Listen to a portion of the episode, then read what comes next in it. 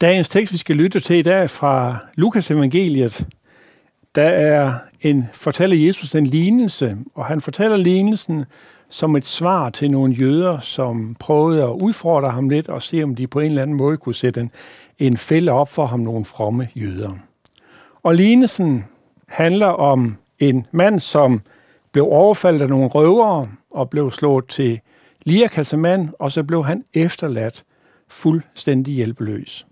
Og så kan vi, høre vi om lidt, at først der kommer det en præst forbi, kigger til ham, men går videre. Senere kommer en levit forbi, gør det samme, kigger og går videre.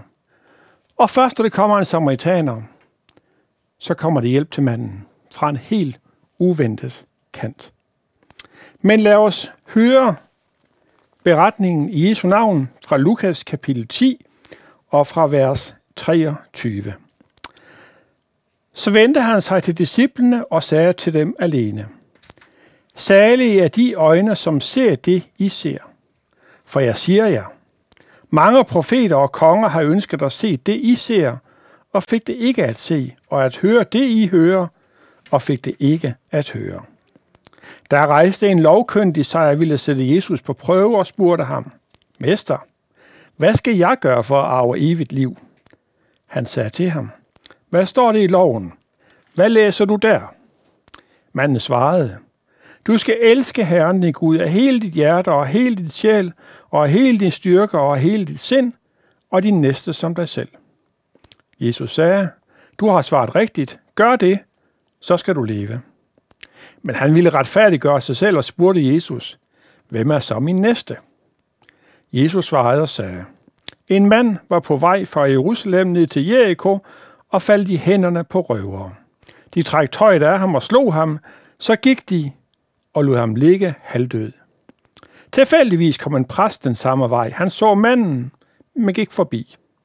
Det samme gjorde en levit, der kom til stedet. Også han så ham og gik forbi.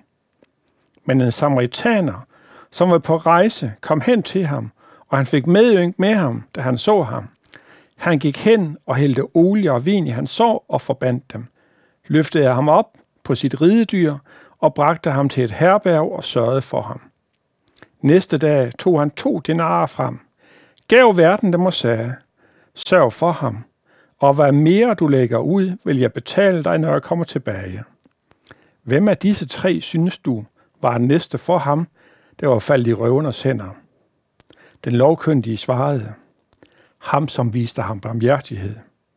Og Jesus sagde, gå du hen og gør lige så. Amen.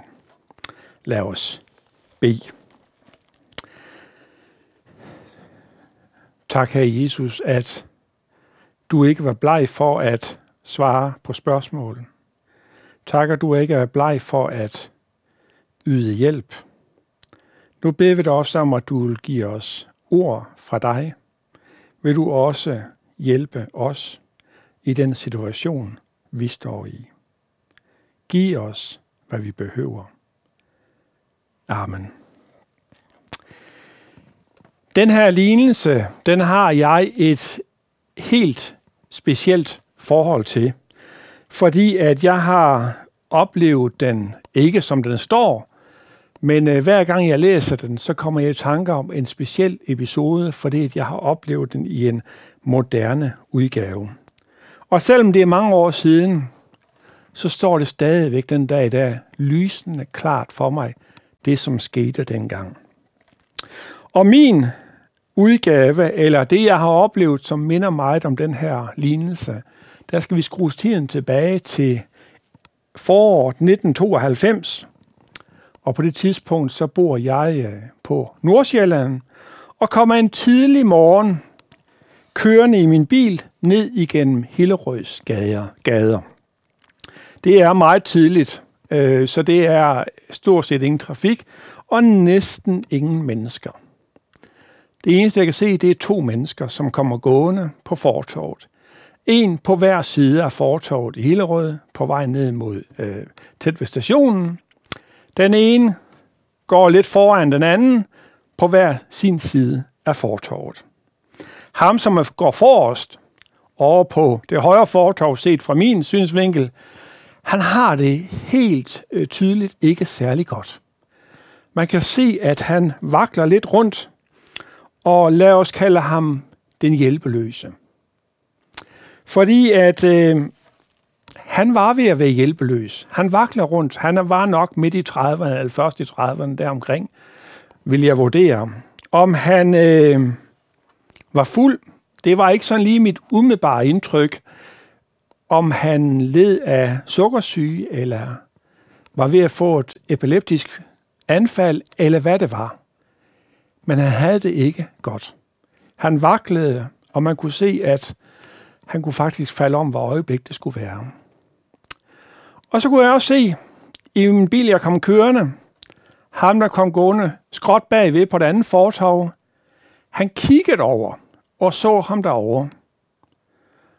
Og så kiggede han lige frem og nærmest begyndte at kigge lidt til venstre. Lad os kalde ham præsten eller levitten, for nemheds skyld. Han ser tydeligt, den her mand over på højre fortov har brug for hjælp. Men vælger alligevel at gå videre. Vælger ikke at involvere sig. Lidt ligesom vi mødte her i lignelsen med præsten og levitten. De vælger begge to at gå videre uden at hjælpe. Sådan gjorde levitten også på fortorvet i Hillerød. Han skulle ikke have noget af, sådan så det ud i hvert fald, af at hjælpe den mand. Det var tydeligt at se. Og det var, ligesom da levitten har set din hjælpeløse, så gjorde han alt for at kigge væk. Fordi så har man ikke set ham. Men jeg kunne godt se, han havde set ham, der var i nød. Og så da jeg kommer tættere på og får stanset bilen og sprunget ud af bilen og løber hen til den hjælpeløse, så råber jeg over til den anden mand over på den anden fortorv, ham som egentlig havde forsøgt at kigge væk, at han skal komme over og hjælpe. Og det var før mobiltelefoner var opfundet, så jeg beder ham, Levitten, som vi kalder ham, om at blive ved den hjælpeløse, mens jeg lige suser ned på stationen for at ringe efter hjælp. Og det var ikke længe. Jeg når kun lige at komme tilbage, inden ambulancen kommer, og så kan de tage over. Så det er sådan, jeg synes, den minder meget om. Og se lige det tilfælde, der synes jeg selv, at jeg opførte mig sådan, som Jesus gerne vil have, vi gør. Der opførte jeg mig lige som Jesus fortalte i den her lignelse, som den barmhjertige samaritaner. Og selvom det er gået rigtig, rigtig mange år, cirka 30 år siden det her er sket, så husker jeg det meget tydeligt. Og det er også med en vis stolthed, jeg kan fortælle den historie, for der, der lykkedes det der for mig at være i helterollen. Jeg gjorde det rigtige.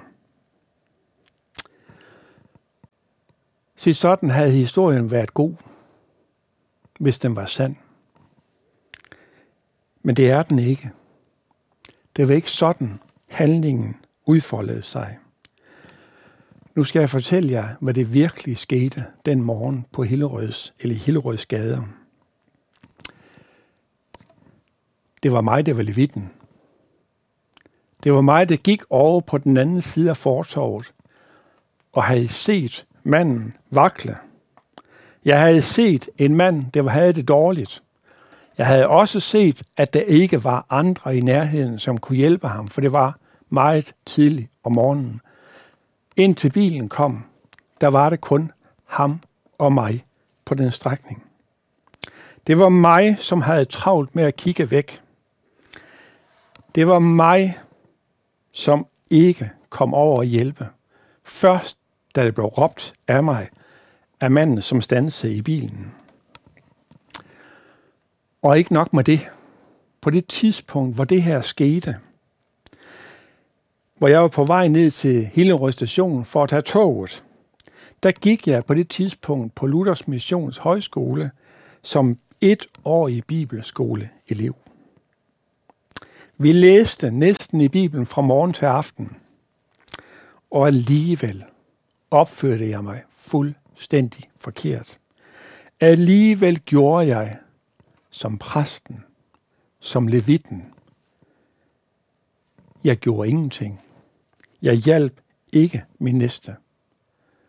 Det gjorde i stedet ham, som kom kørende i sin bil og stansede. Jeg ved ikke, om han var kristen. Det var ikke det indtryk, jeg fik. Men han hjalp ham, som var i nød. Han opførte sig som den barmhjertige samaritaner. Og derfor husker jeg den her beretning fra mit eget liv så tydeligt. Og jeg bliver mindet om den, hver gang jeg læser den her lignelse. Jeg fejlede. Jeg gjorde, hvad det var Gud imod. Jeg var en total fiasko den morgen i Hillerøds gader. Du skal elske din næste som dig selv. Sådan hørte vi det. Sådan har Gud budt det. Og sådan har jeg læst det igen og igen, mens jeg gik som bibelskoleelev på Luthers Missions Højskole. Men da det kom til praksis, da det kom til at leve det ud, så fejlede jeg. Så havde jeg nok i mig selv. Så ville jeg ikke opholdes af en mand, som tydeligvis havde brug for hjælp. Og så for at slå hovedet på sømmet også, så havde jeg bare et par uger inden været nede i de samme gader i Hillerøds natteliv, ikke for at feste, men for at fortælle om Jesus og hvad han har gjort for andre mennesker. Der havde jeg været en rigtig god bibelskoleelev. Men da det kom til at leve kristenlivet ud i praksis, så fejler jeg. Og ikke bare indtog jeg rollen som levit. Jeg kom til at indtage rollen som den hjælpeløse. Jeg var ikke længere levitten over på den anden side fortorvet, som ikke havde lyst til at hjælpe. Jeg kom til at se mig selv som den, der var fortabt.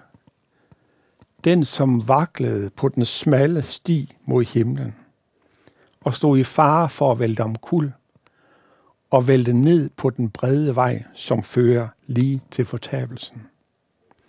Jeg var ikke helten, som kom kørende i bilen og hjalp et andet menneske. Jeg var ikke længere den egoistiske mand, som havde nok med at se væk og komme videre. Nu var det blevet mig. Det var den hjælpeløse stakkel, som havde brug for hjælp, som havde brug for redning.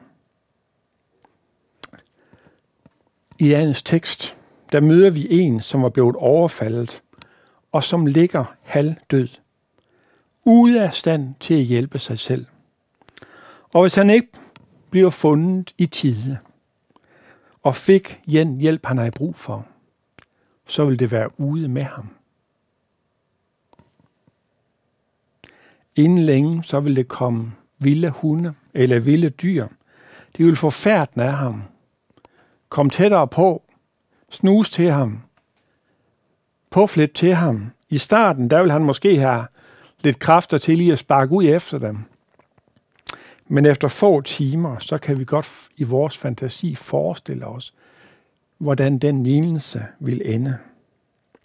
Og imens han ligger der og venter og tror, at nu er de sidste timer af hans liv ved at være til ende, så tændes der et håb i ham, fordi han hører fodtrinene. Og hvis han har kigget, så har han måske også kunne se, der kommer en, som jeg kan forvente hjælp af. Der kommer en præst. Der tændtes et håb hos ham.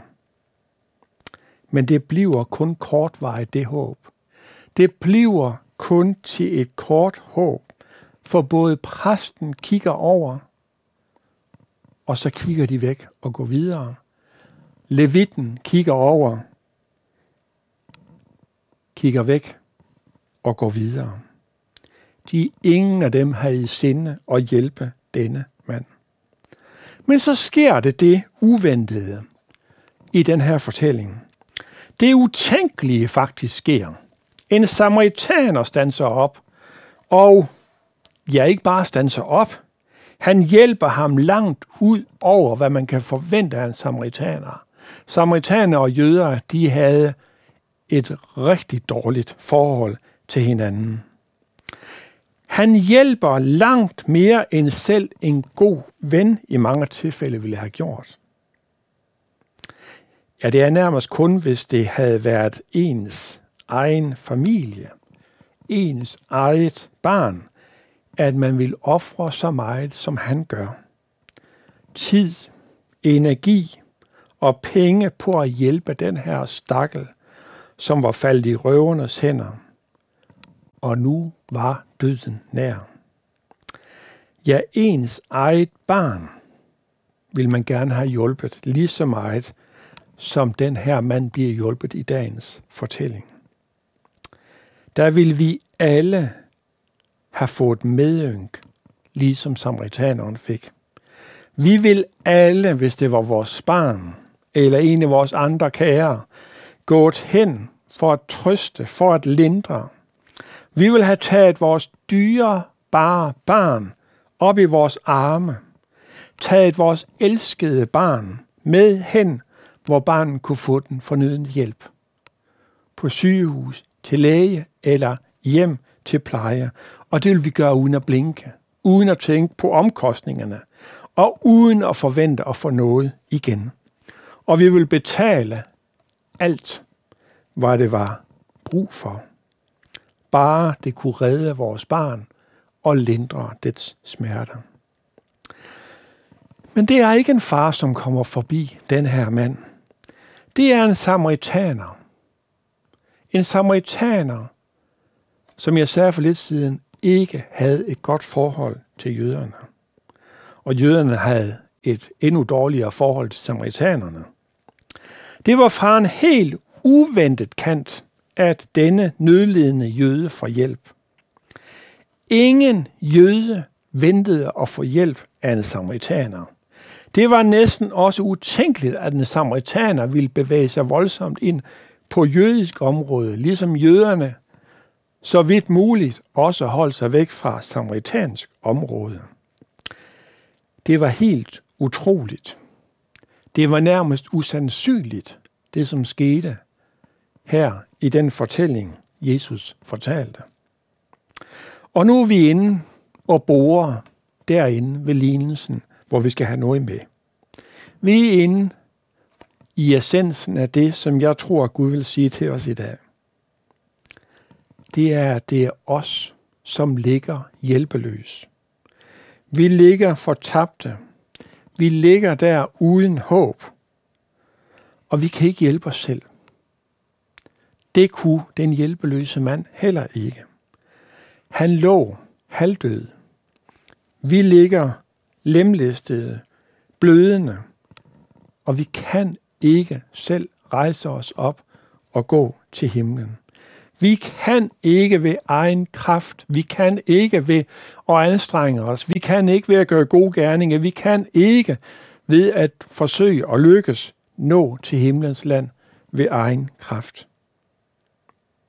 Jøden, som lå lemlæstet i vejsiden, han fik det her håb tændt i sig, da han først ser præsten og siden levitten.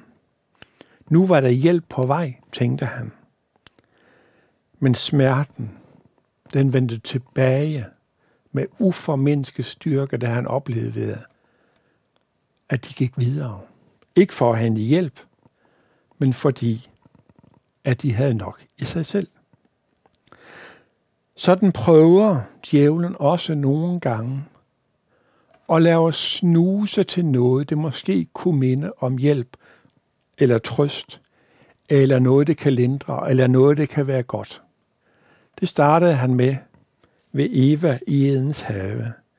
Prøv lige at smag her. Og hun syntes faktisk, at det smagte godt. Og nød det et øjeblik. Men så kom smerten. Og sådan ligger vi også der. Ude af stand til at hjælpe os selv. Og ofte så rækker vi ud efter de forbudte frugter, ligesom Eva gjorde, i håb om, at vi kan få en lindring. Og djævlen vifter med dem. Djævlen frister med dem. Det er ude med os, hvis vi prøver selv.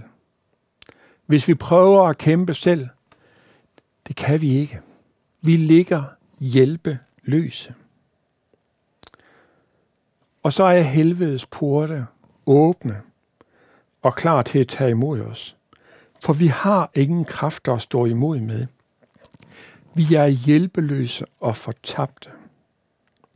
Men bedst som vi ligger der, og måske er ved at opgive håbet og tænke, det er ude med os, så kommer hjælpen fra en uventet kant.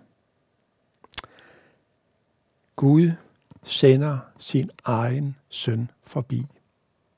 Ligesom den barmhjertige samaritaner kom forbi den hjælpeløse mand. Samaritaneren burde være blevet hjemme i Samaria. Hjemme blandt hans landsmænd. Derhjemme, hvor man holdt af ham. Derhjemme, hvor han havde det godt. Derhjemme, hvor det ikke blev set ned på ham. Men han vågede sig ind på jødernes område.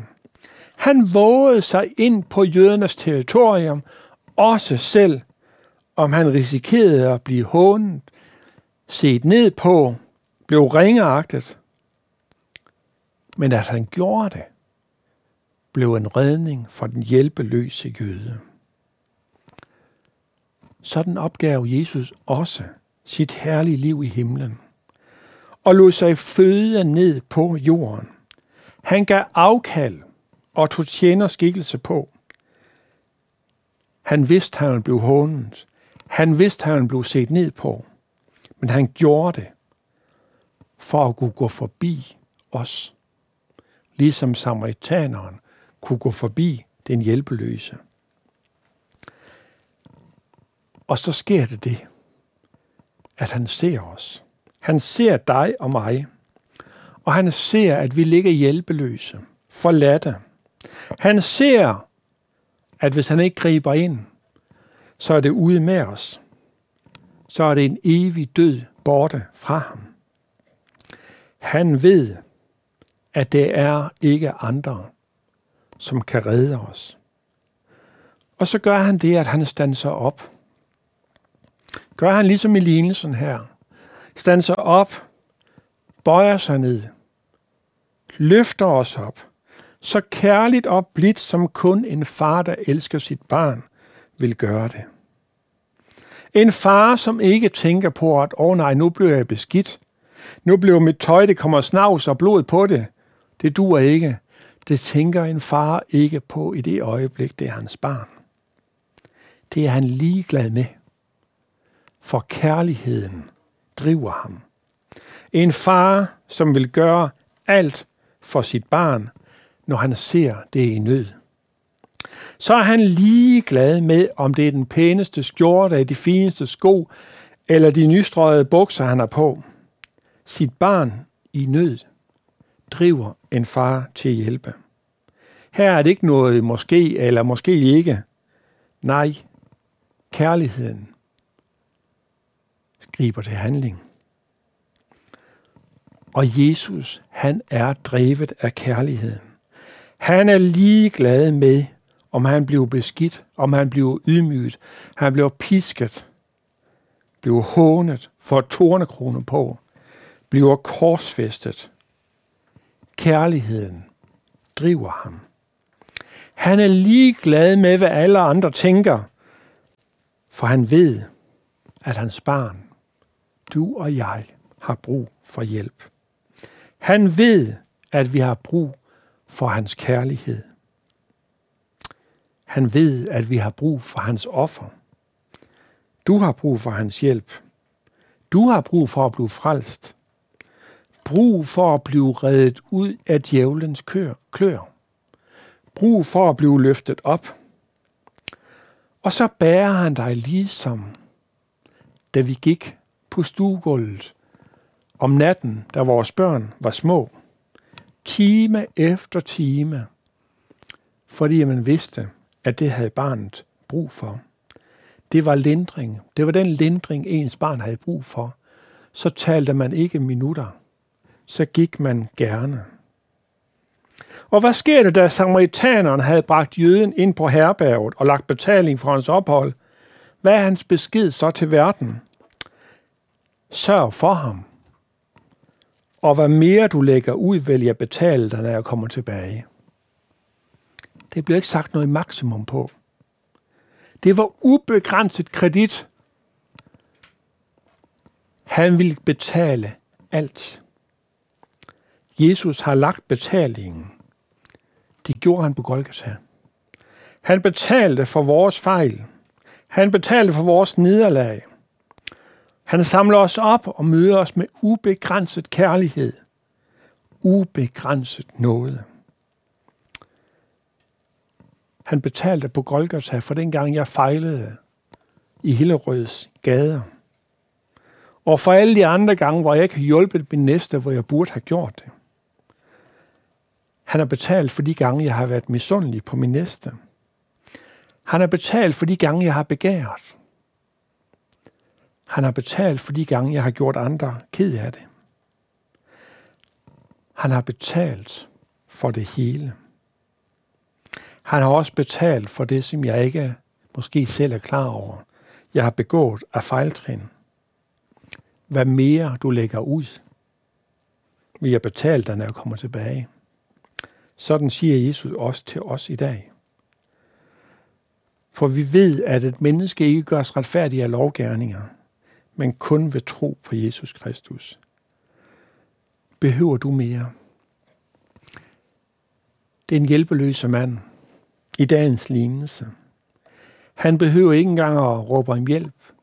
Han behøver ikke engang at vrikke med stortåen. Han skulle bare lade sig hjælpe. Samaritaneren gjorde det hele. Jesus danser også op ved os i dag og er klar til at gøre det hele. Han er også klar til at betale hele prisen. Og det er dækning for det. Lad os bede sammen.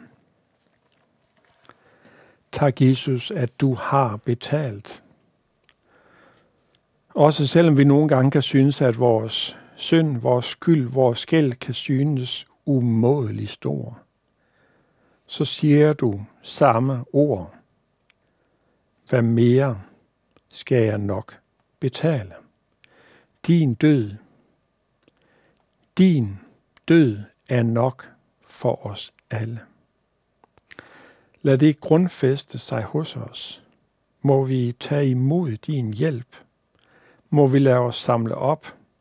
Må vi lade os bære af dig hjem til himlen.